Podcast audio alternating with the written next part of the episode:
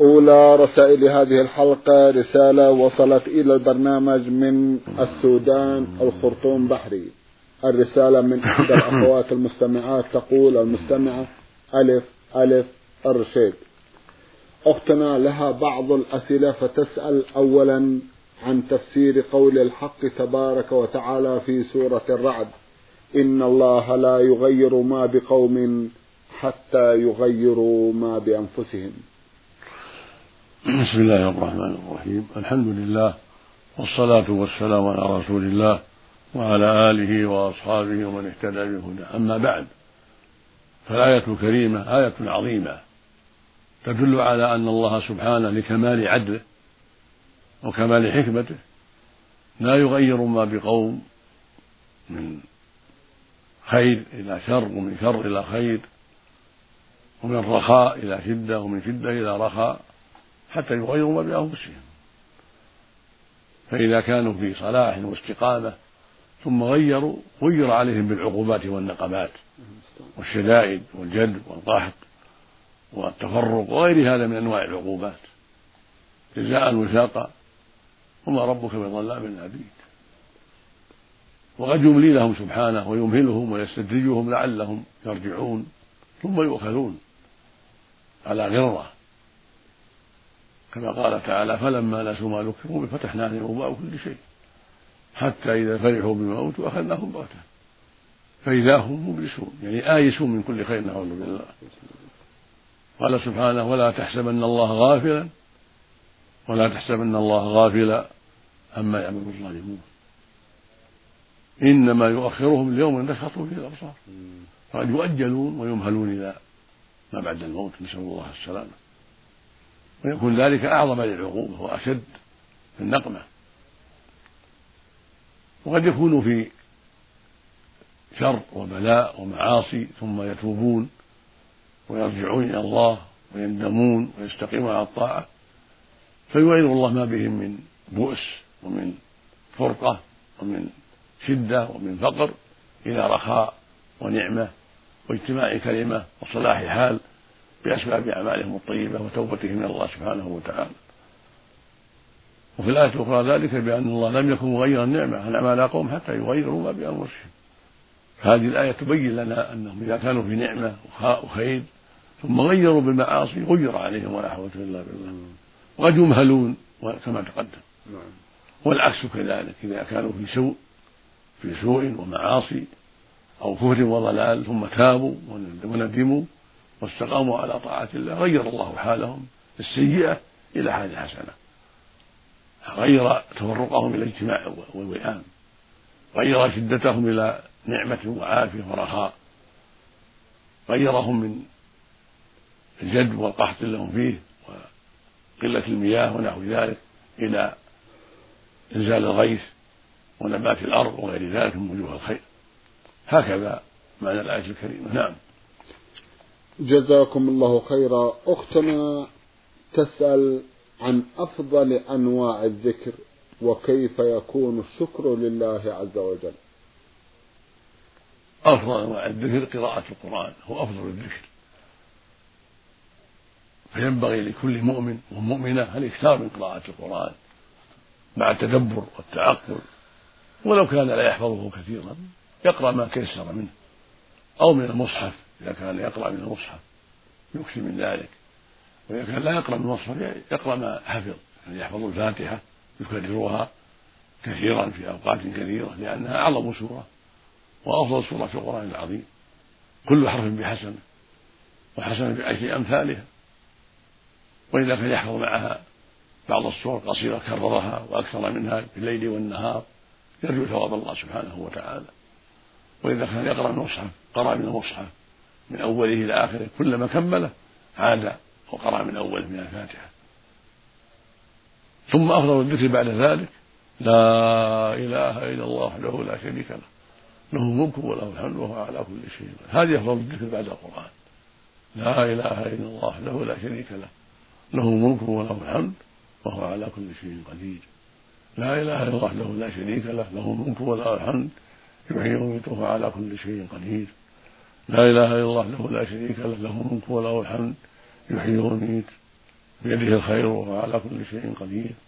لا إله إلا الله وحده لا شريك له له الملك وله الحمد يحيي ويميت وهو حي لا يموت بيده الخير وهو على كل شيء كل هذه أنواع من الذكر جاءت عن النبي عليه الصلاة والسلام. يقول عليه الصلاة والسلام الإيمان بضع وستون شعبة. أو قال بضع وسبعون شعبة فأفضلها قول لا إله إلا الله. وروي عنه عليه الصلاة والسلام أنه قال خير الدعاء دعاء يوم عرفة وأفضل ما قلت أنا والنبي من قبلي لا إله إلا الله وحده لا شريك له له الملك وله الحمد وهو على كل شيء قدير.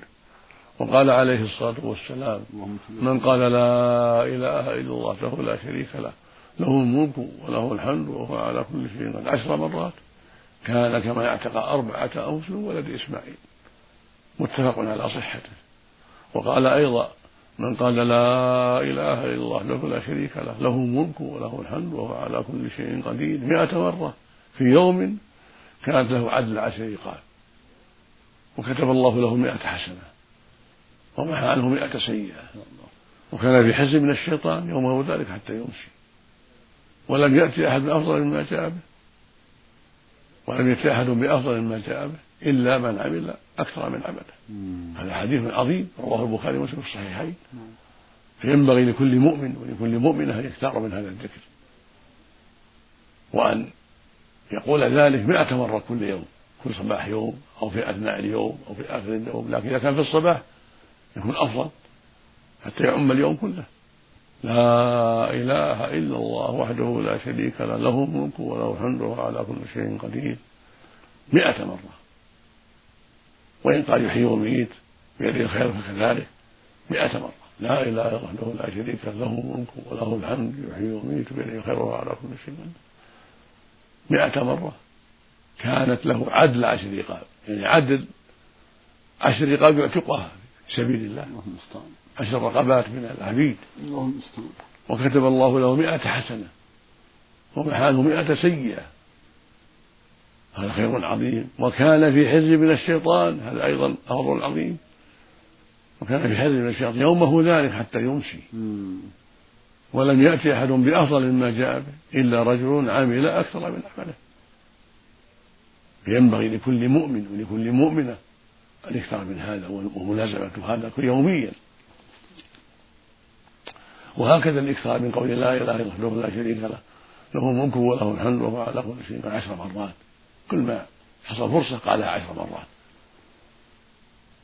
يقول عليه الصلاة والسلام من قال لا إله إلا الله له لا شريك له له الملك وله الحمد وهو على كل شيء قد عشر مرات كان كما يعتق أربعة أوس من ولد إسماعيل.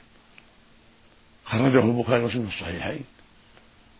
هذه أنواع من الخير وأنواع من الذكر. ويقول صلى الله عليه وسلم أحب كلام الله أربع. أحب إلى الله أربع سبحان الله والحمد لله ولا إله إلا الله والله أكبر. ويقول عليه الصلاة والسلام لا أن أقول سبحان الله والحمد لله ولا إله إلا الله والله أكبر. أحب إلي مما طلعت عليه الشمس رواه مسلم في الصحيح. ويقول أيضا عليه الصلاة والسلام الباقيات الصالحات سبحان الله والحمد لله ولا إله إلا الله والله أكبر ولا حول ولا قوة إلا بالله. ويقول أيضا عليه الصلاة والسلام كلمتان خفيفتان على اللسان ثقيلتان في الميزان حبيبتان إلى الرحمن سبحان الله وبحمده سبحان الله العظيم. فأنا أوصي جميع إخواني في كل مكان بالإكثار من هذا الذكر ليلا ونهارا وصباحا ومساء في كل وقت. أوصي جميع المؤمنين والمؤمنات أوصي جميع إخواني في الله في كل مكان أن يكثر من هذا مع الإكثار من قراءة القرآن. في كل وقت. كما أوصي الجميع بعد كل صلاة الظهر العصر المغرب العشاء الفجر أن يقول بعد السلام أستغفر الله ثلاثة اللهم أنت السلام ومنك السلام. تباركت يا ذا الجلال والإكرام. بعد كل صلاة إذا سلم من الفريضة. نعم. أستغفر الله ثلاثة. اللهم أنت السلام ومنك السلام. تباركت يا ذا الجلال هكذا كان النبي يفعل عليه الصلاة والسلام. ثم يقول بعد ذلك لا إله إلا الله وحده لا شريك له له الملك وله الحمد وهو على كل شيء قدير. لا حول ولا قوة إلا بالله. لا إله إلا الله ولا نعبد إلا إياه له النعمة وله الفضل وله الثناء والحسن. لا إله إلا الله مخلصين له الدين ولو كره الكافرون. اللهم لا مانع لما أعطيت ولا معطي لما ولا ينفع ذا الجد منك الجد هذا يقول بعد كل صلاة. نعم. الفجر الظهر والعصر والمغرب والعشاء. يقول هذا. ابتداء بالنبي صلى الله عليه وسلم. كان يقول هذا عليه الصلاة والسلام. وإذا كان إمام بعد بعد الاستغفار ويقول اللهم أنت السلام ينصرف إلى الناس يعطيهم وجهه. إذا سلم يقول أستغفر الله أستغفر الله أستغفر الله اللهم أنت السلام ومنك السلام. تباركت يا ذا الجلال والإكرام. ثم ينصرف إذا كان إمام إلى الناس ويعطيهم وجهه. والمأموم يقول هذا. والمنفرد يقول هذا أستغفر الله أستغفر الله أستغفر الله. اللهم أنت السلام ومنك السلام. تباركت يا ذا الجلال والإكرام. ثم يقول الإمام والمنفرد والمأموم كلهم يقولون لا إله إلا الله وحده لا شريك له له الملك وله الحمد وهو على كل شيء قدير. وفي لفظ آخر لا إله إلا الله وحده لا شريك له له الملك وله الحمد يحيي ويميت وهو على كل شيء قدير. لا حول ولا قوة إلا بالله. لا إله إلا الله ولا نعبد إلا إياه له النعمة وله الفضل وله الثناء الحسن. لا إله إلا الله مخلصين له الدين ولو كره الكافرون. اللهم لا مانع لما أعطيت ولا معطي لما منعت ولا ينفع ذا الجد منك الجد ويزيد بعد هذا في المغرب والفجر خاصة. لا إله إلا الله وحده لا شريك له له الملك وله الحمد. يحيي ويميت وهو على كل شيء قد عشر مرات زيادة على ما تقدم. نعم. في المغرب والفجر نعم. لا إله إلا الله وحده لا شريك له له الملك وله الحمد يحيي ويميت وهو على كل شيء قد عشر مرات وروي عنه صلى الله عليه وسلم أنه كان يقول في الفجر بعد صلاة الفجر بعد الذكر. والمغرب أيضا اللهم اجني من النار سبع مرات. جاء في ذلك حديث فيه بعض اللين ولكن هذا الدعاء حسن. بعد المغرب والفجر. اللهم اجني من النار اللهم اجني من النار سبع مرات. بعد هذا الذكر روي عن النبي صلى الله عليه وسلم كان يقول بعد الفجر وبعد المغرب. اللهم اجني من النار سبع مرات. فإذا قاله حسن وليس الحديث فيه بقوي الثبوت لكن دعاء حسن من باب الفضائل والترغيب في خير الأعمال وما ينفع العبد في دنياه وأخراه.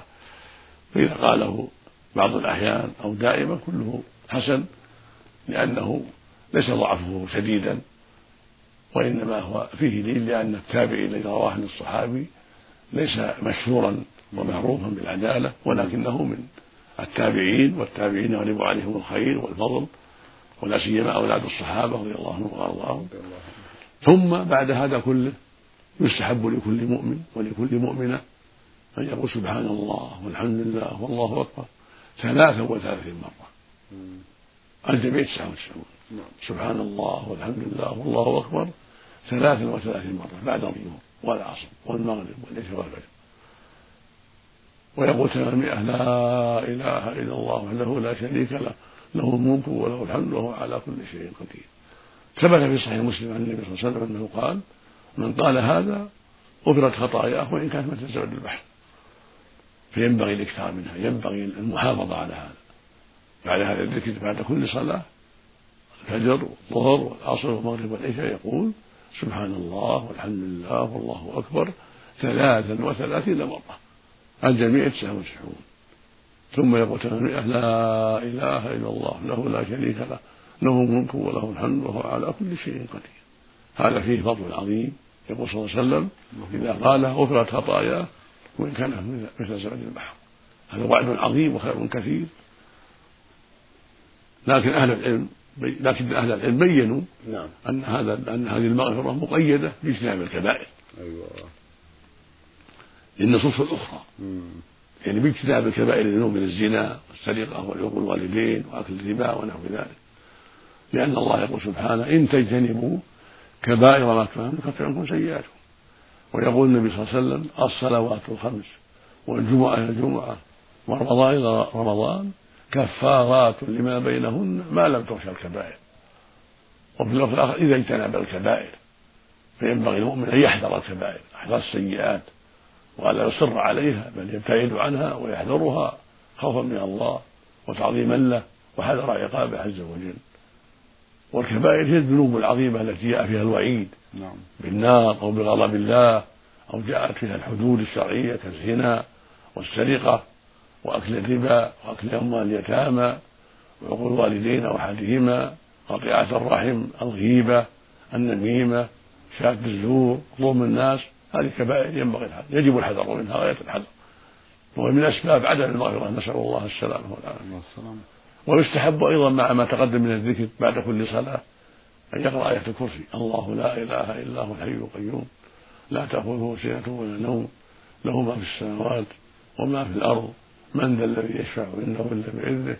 يعلم ما بين أيديهم وما خلفهم. ولا يحيطون بشيء من علمه إلا بما شاء. وسع كرسيه السماوات والأرض ولا يؤوده حفظهما وهو العلي العظيم. هذه آية عظيمة. هي أعظم آية في القرآن. وأفضل آية في القرآن. ويقال آية الكرسي. الله لا إله إلا هو الحي القيوم. لا تأخذه سنة ولا نوم. السنة النعاس. لا تأخذه سنة ولا نوم. له ما في السماوات وما في الأرض. من ذا الذي يشفع عنده إلا بإذنه. يعلم ما بين أيديهم وما خلفهم. ولا يحيطون بشيء من علمه إلا بما شاء. وسع كرسيه السماوات والأرض. ولا يؤوده حفظهما وهو العلي العظيم. هذه هذه هذا آخرها. هذه آية الكرسي العظيمة. يستحب المجيء بها بعد الذكر بعد كل صلاة. ويستحب أيضا أن يأتي بعد كل صلاة بها قل هو الله بالمعوذتين يقرأ قل هو الله بالمعوذتين بعد كل صلاة. قل هو الله أحد. الله الصمد لم يلد ولم يولد ولم يكن له كفوا أحد. ويقرأ أيضا بعدها قل أعوذ برب الفلق من شر ما خلق ومن شر غاسق إذا وقب ومن شر النفاثات في العقد ومن شر حاسد إذا حسد. وأيضا يقرأ قل أعوذ برب الناس ملك الناس إله الناس من شر الوسواس الخناس الذي يوسوس في صدور الناس من الجنة والناس. مع التسمية في أول, أول كل سورة. يسمي في كل سورة في أول كل سورة. ثم يقرأها. ويستحب تكرار هذه الثلاث بعد الفجر والمغرب ثلاث مرات وعند النوم ثلاث مرات. خير يقول والله ثلاث مرات. وهكذا يقول أعوذ بالفلق وهكذا يقول أعوذ بالناس. بعد الفجر والمغرب وعند النوم. كل هذا مستحب. فإذا حافظ عليه المؤمن والمؤمنة فيه خير عظيم وفضل كبير. نسأل الله للجميع التوفيق والهداية. اللهم آمين. اللهم آمين. جزاكم الله خيرا ونفع بعلمكم. أختنا من السودان تسأل أيضا عن كيفية الشكر. سماحة الشيخ هل يدخل ضمن ما تفضلتم به من إجابة عن أفضل أنواع الذكر؟ هذا من الشكر ذكر الله أيوه. وإقام الصلاة وأداء الزكاة وصوم رمضان وحج البيت وسائر ما شرع الله كله من الشكر. يقول الله سبحانه اعملوا آل داود شكرا. فالشكر بالعمل أعظم الشكر. وهكذا يكون بالثناء على الله من الذكر الذي ذكرنا. الذكر هذا من من الثناء وهو من الشكر أيضا. فإن الشكر يكون باللسان كالحمد لله كالتسبيح والذكر الذي ذكرنا نعم. ويكون بالعمل كالصلاة والزكاة والصيام والحج والصدقات على الفقراء والمساكين والجهاد في سبيل الله والامر بالمعروف والنهي عن المنكر. ويكون أيضا بأعمال القلوب يكون بحب بحب الله وتعظيمه بالقلب والإخلاص له بالقلب وخوفه ورجائه والشوق إليه ومحبته. هذا هو الشكر بالقلب فالشكر يكون بالقلب ويكون باللسان ويكون بالعمل جميعا.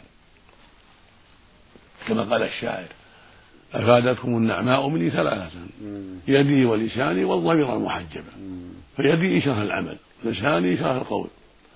والضمير المحجب يعني القلب. نعم. هذا يدل على أن العرب تعرف هذا. أيوه. فالشكر يكون بالقلب بمحبة الله وتعظيمه وخوفه ورجاءه والإيمان بأنه الواحد الأحد. مستحق العبادة سبحانه وتعالى وأنه الشكور وأنه منعم على عباده وأنه الجواد الكريم إلى غير هذا من صفاته العظيمة. ويكون بالعمل بأداء ما وجب الله وترك ما حرمه الله ويكون باللسان بالثناء على الله وتحميده وتمجيده والدعوة إليه والأمر بالمعروف والنهي عن المنكر إلى غير هذا من وجوه الخير القولية. والله المستعان. نعم. الله المستعان. جزاكم الله خيرا. سماحة الشيخ في الختام. أتوجه لكم بالشكر الجزيل بعد شكر الله سبحانه وتعالى على تفضلكم بإجابة السادة المستمعين وآمل أن يتجدد اللقاء وأنتم على خير. نرجو ذلك. مستمعي الكرام كان لقاؤنا في هذه الحلقة مع سماحة الشيخ عبد العزيز ابن عبد الله بن باز الرئيس العام لإدارات البحوث العلمية والإفتاء والدعوة والإرشاد. شكرا لمتابعتكم وإلى الملتقى. وسلام الله عليكم ورحمته وبركاته.